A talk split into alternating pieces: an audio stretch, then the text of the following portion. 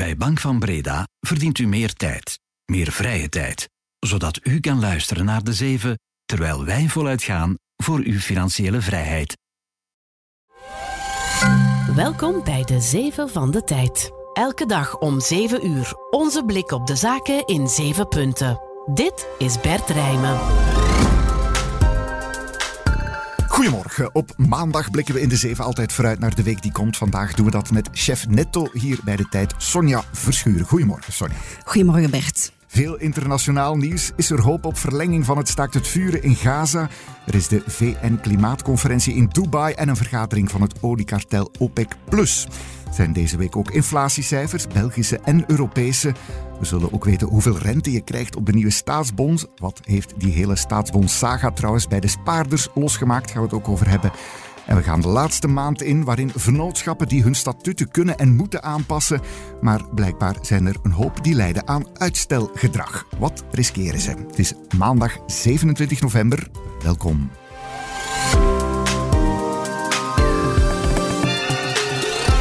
Zeven van de Tijd. 1. In de Gazastrook gaat vandaag in principe de laatste dag in van een tijdelijk staakt het vuren. Vier dagen was dat, waarin Israël en Hamas gevangenen en gijzelaars hebben vrijgelaten. De voorbije dagen werden zo in drie groepen in totaal 50 Israëlische gijzelaars geruild voor 150 Palestijnse gevangenen.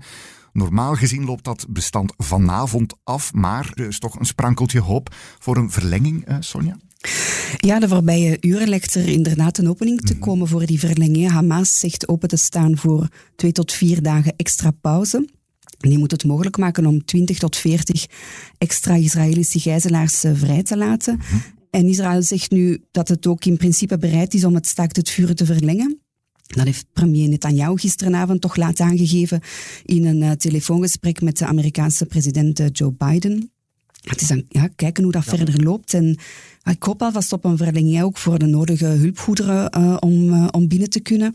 Het is toch, ja, toch opvallend ook nu weer dat het Biden is die persoonlijk naar Netanyahu belt over dat staakt het vuren. En dat die, ja, die president van meer dan 80 nu echt wel dat verschil aan het maken is. En dat staat toch um, ja, in schril contrast met, uh, met de rol die, die Europa eigenlijk speelt. Hè. Want ook bij het bezoek van onze premier De Croo en de Spaanse Eerste minister Sanchez uh, vorige week bleek toch dat de impact van Europa op die gang van zaken in ja, wat wij onze eigen achtertuin noemen, bijzonder weinig impact heeft. 2. Naar Dubai dan, waar nu donderdag de 28e klimaatconferentie van de VN start. De COP28 is dat intussen. De Verenigde Arabische Emiraten, nota bene een van de grootste olie-exporterende landen ter wereld, die zijn daar de gastheer. En dat terwijl de verbranding van fossiele brandstoffen net beperkt moet worden om die opwarming van de aarde te stoppen. In Dubai liggen dan ook heel wat vragen op tafel.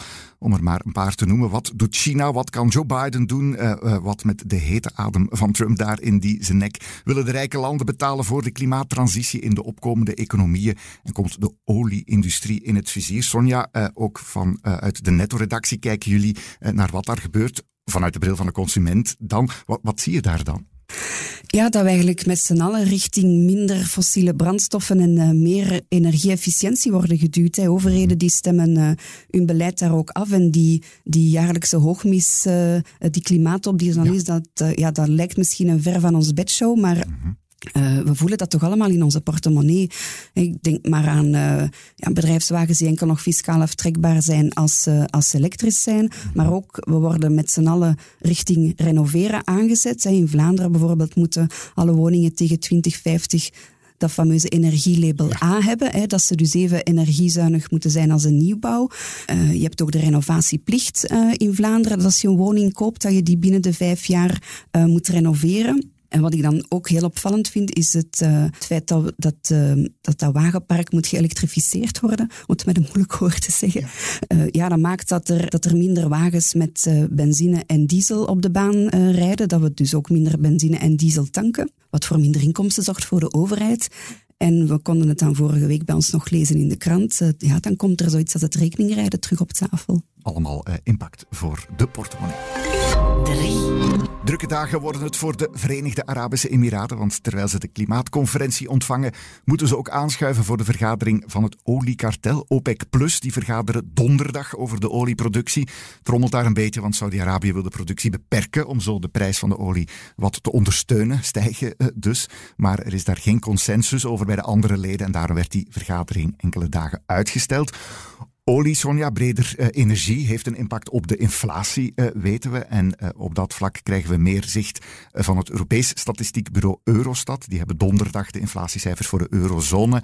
En een dag eerder, zoals altijd, de Belgische tegenhanger Stadbel, de inflatiecijfers voor ons land. wat zijn daar de verwachtingen, Sonja? De verwachting is toch dat die inflatie ja, laag zal blijven. In oktober bedroeg die 0,36 procent. Vooral geholpen door die enorme daling van de energieprijzen die we het afgelopen jaar gezien hebben En verwacht wordt dat dat effect zich eigenlijk ook zal doorzetten um, in november. Het Federaal Planbureau gaat voor deze maand uit van een inflatie van 0,78 procent. -hmm. uh, daar die inflatiecijfers zoals we die verwachten, zie je ook ja, uh, die energiefactor die zeer zwaar doorweegt in die inflatie ook, ook ja, bij de consument erg spelen? Ja, je, je ziet toch dat mensen zich, uh, dat ze bewuster geworden zijn van die component energie. Dat ze dus letten op hun energieverbruik, zodat hun factuur toch iets lager uitkomt. Gaat het daarnet ook al aan, mensen die gerenoveerd hebben of zonnepanelen hebben geplaatst. En aan de andere kant zie je toch ook dat ze die um, online prijsvergelijkers ontdekt hebben. Uh, die zijn, ik denk dan maar aan de V-test van de, van de VREG of de, of de krechtscan. Die zijn ook beter geworden, hè, die prijsvergelijkers. Je kan nu echt je huidige contract of het contract dat je momenteel hebt, kan je eigenlijk afzetten tegen het aanbod uh, op de markt. Inflatie, Sonja, dat zegt niet alleen iets over hoe duur het leven is geworden, uh, maar geeft ook aan hoe fel de lonen zullen gaan stijgen. Ook daarom belangrijk om dat deze week te volgen. Ja, dat is omdat onze lonen gekoppeld zijn aan, aan die index. Ja, niet iedereen's loon wordt op, de, op hetzelfde moment uh, geïndexeerd. Er zijn uh, lonen die afhangen van de spielindex, die vorige maand overigens overschreden mm -hmm. werd. Maar er zijn er ook die, ja, die uh, op een bepaald moment in het jaar hun loon geïndexeerd zien. Dat kan elk kwartaal, dat kan om de zoveel maanden zijn, maar ook één keer per jaar. Mm -hmm. Zoals ongeveer een half miljoen bedienden, een grote groep, die hun loon in, in januari zullen geïndexeerd zien. En daarvoor zijn die, die inflatiecijfers van november en december zo belangrijk omdat die bepalen hoe sterk bedrijven de lonen in januari zullen moeten indexeren. 4. Morgen maakt het Federaal Agentschap van de Schuld de coupon van de nieuwe staatsbons bekend. Verwacht wordt dat die vijfjarige staatsbon een coupon van 2,7% krijgt, die van acht jaar 3%. Eh, na aftrek van de roerende voorheffing zou daar nog 1,89 en 2,10% rente van overblijven. Algemeen wordt verwacht dat de opbrengst van uh, de bonds maar een fractie zal zijn van die ja, gigantische 22 miljard die in september werd opgehaald met die eenjarige bon met uh, fiscale korting natuurlijk. wat verwacht jij, Sonja? Ja, ik ga er toch ook vanuit dat die een pak minder succesvol zal zijn dan, uh, dan in uh, september. Het agentschap van de schuld had eigenlijk zelf ook al aangegeven dat ze eigenlijk geen geld meer nodig hebben. Mm -hmm. En ik denk met, uh, door met een staatsbon op vijf en acht jaar te komen, dat ze zo net niet zeggen van blijf er maar af. Ja, ja rentetarieven die zijn niet slecht, maar nu ook weer niet geweldig. Ja, want ja, zijn daar dan alternatieven voor jou wie toch iets wil doen met zijn spaargeld? Er zijn alternatieven. Hè. Er zijn obligaties uh, uh, op de markt die, uh, ja, die eigenlijk toch iets meer opbrengen, mm -hmm. maar ook ook een aantal termijnrekeningen waarbij je geld voor een bepaalde termijn uh, vastzet. Zijn er rekeningen op vijf en op, en op iets langere periode die, die meer opbrengen dan de staatsbon? Ja, alternatieven voor die staatsbonds waar we het nu over hebben, waar, waar we kunnen zeggen veel aandacht voor is. Er lijkt wel iets, iets veranderd te zijn. Ja, er lijkt wel iets veranderd te zijn. Die staatsbon op één jaar die we in uh, september gehad hebben, die heeft, ja, die heeft mensen toch wel aan het denken gezet over mm -hmm. wat, wat, moet ik nu met mijn spaargeld uh, doen en staat dat daar nog wel goed op die spaarrekening die ik heb. Dus wat ik mensen zou aanraden is dat ze, ja, dat ze de spaarrekening die ze hebben, dat ze die gewoon zelf al eens onder de loep nemen en misschien eens binnen hun eigen bank kijken of er geen betere alternatieven zijn. Overigens werkt de overheid aan een initiatief waarbij dat banken verplicht zouden worden om die betere rekening dan automatisch aan hun klanten uh, aan te bieden. En als je bij je bank je gading niet vindt, ja, Ga, ga, dan zeker ook eens kijken bij andere banken. Er zijn internetbanken die meer bieden dan, uh, dan, dan die nieuwe staatsbon. Het enige waar je daar dan wel op moet letten is het feit dat je je getrouwheidspremie kan kwijtgeraken. Vijf. Waarom het beste nog moet komen, zo heet het boek van premier De Croo dat hij vandaag voorstelt. Daarmee trapt hij ook eigenlijk de campagne voor de parlementsverkiezingen op gang. Tegen doemdenken, nationalisme en afbraakpolitiek luidt het. Een electorale boodschap vol positivisme, zeg maar. Vraag is uh, hoeveel redenen De Croo daarvoor heeft. Open VLD staat historisch laag in de peilingen. Heeft een pijnlijke voorzitterswissel uh, meegemaakt. Moest twee ministers ook uh, vervangen met een bijna openlijke rebellie daarover in de eigen partij. Een premier die in campagne-modus gaat. Uh, Sonja doet wel vragenreizen over het regeringswerk. Hè?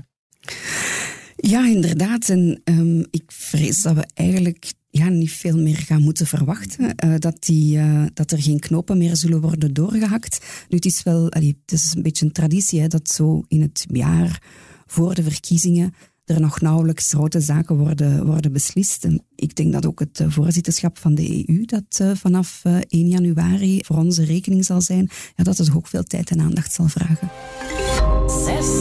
Vrijdag gaat de laatste maand in waarin de vennootschappen in ons land hun statuten kunnen en moeten aanpassen. En wat blijkt, het gros van de vennootschappen is niet in orde, zijn we hier bij de tijd te weten gekomen. Sonja, is misschien nog eens uitleggen, die aanpassing van die statuten, uh, ja, waarom is dat uh, nodig? Ja, dat is eigenlijk een, um, een gevolg van een uh, nieuwe wet. Nu, allee, zo nieuw is die niet meer, want die is ingegaan op 1 mei 2019. We hadden hier veel te veel vennootschapsvormen, die werden toen teruggebracht van een zeventiental, als ik me goed herinner, naar, naar vier.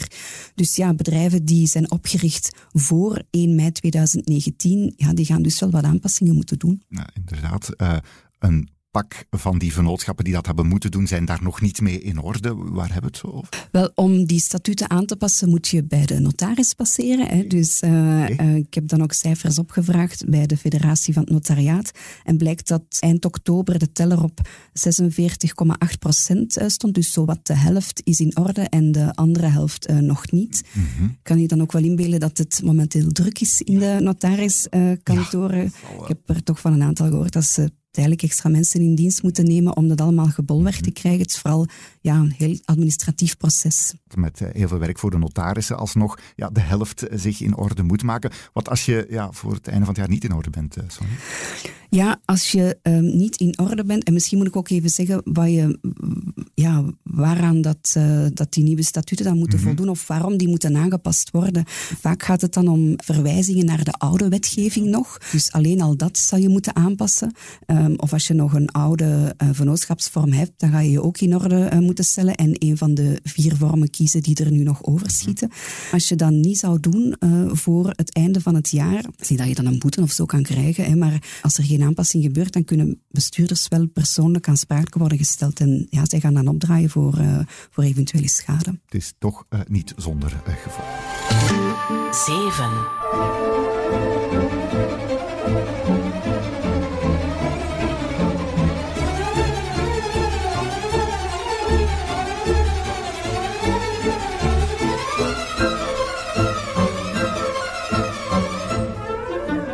Vlucht van de Hommel is dit wereldberoemd stukje muziek van de Russische componist Nikolai Rimsky-Korsakov.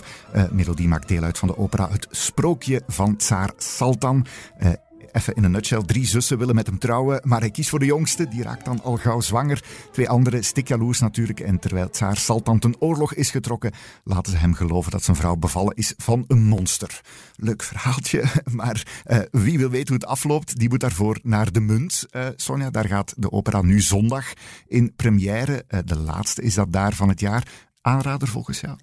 Ja, zeker. Um, het gaat eigenlijk om een herneming van een productie uit 2019. Mm -hmm. Uh, ik heb die toen, uh, toen gezien. Uh, ja, echt een, een, hele mooie voorstelling, maar ook met een, met een, met een hedendaagse toets. Mm. En ja, inderdaad met die wereldberoemde vlucht van de hommel, die als je je ogen dicht doet, dan lijkt het alsof je beestje gewoon aan het volgen bent. Hè. Dus ik, ik probeer eigenlijk elk jaar een opera of twee, drie mee te nemen. Ik, heb, uh, ik speel zelf klarinet. Mijn lerares klarinet speelt mee in het orkest van de Munt. Dat is al een goede dus, motivatie. Uh, dat is een goede motivatie, ja. inderdaad. Ik vond het een heel mooie voorstelling toen en ik kan mensen alleen maar aanraden om, uh, om ernaar te gaan kijken. Het is geen lange voorstelling. Het duurt twee uur en een half, wat voor een opera behoorlijk kort is. Minder lang dan het concert van Bruce Springsteen. Dus allen daarheen, zou ja. ik zeggen. Dat kan nog een extra aanmoediging zijn, inderdaad. En daarmee zit deze de eerste, de zeven van de week er weer op. Dankjewel voor je inzichten, Sonja Verschuren. Graag gedaan, Bert. Voor nu alvast een fijne dag voor iedereen en tot morgen. Dit was De Zeven met Bert Rijmen. Productie door Joris van der Poorten van op de redactie van De Tijd. Bedankt om te luisteren. Morgen zijn we er weer. Tot dan.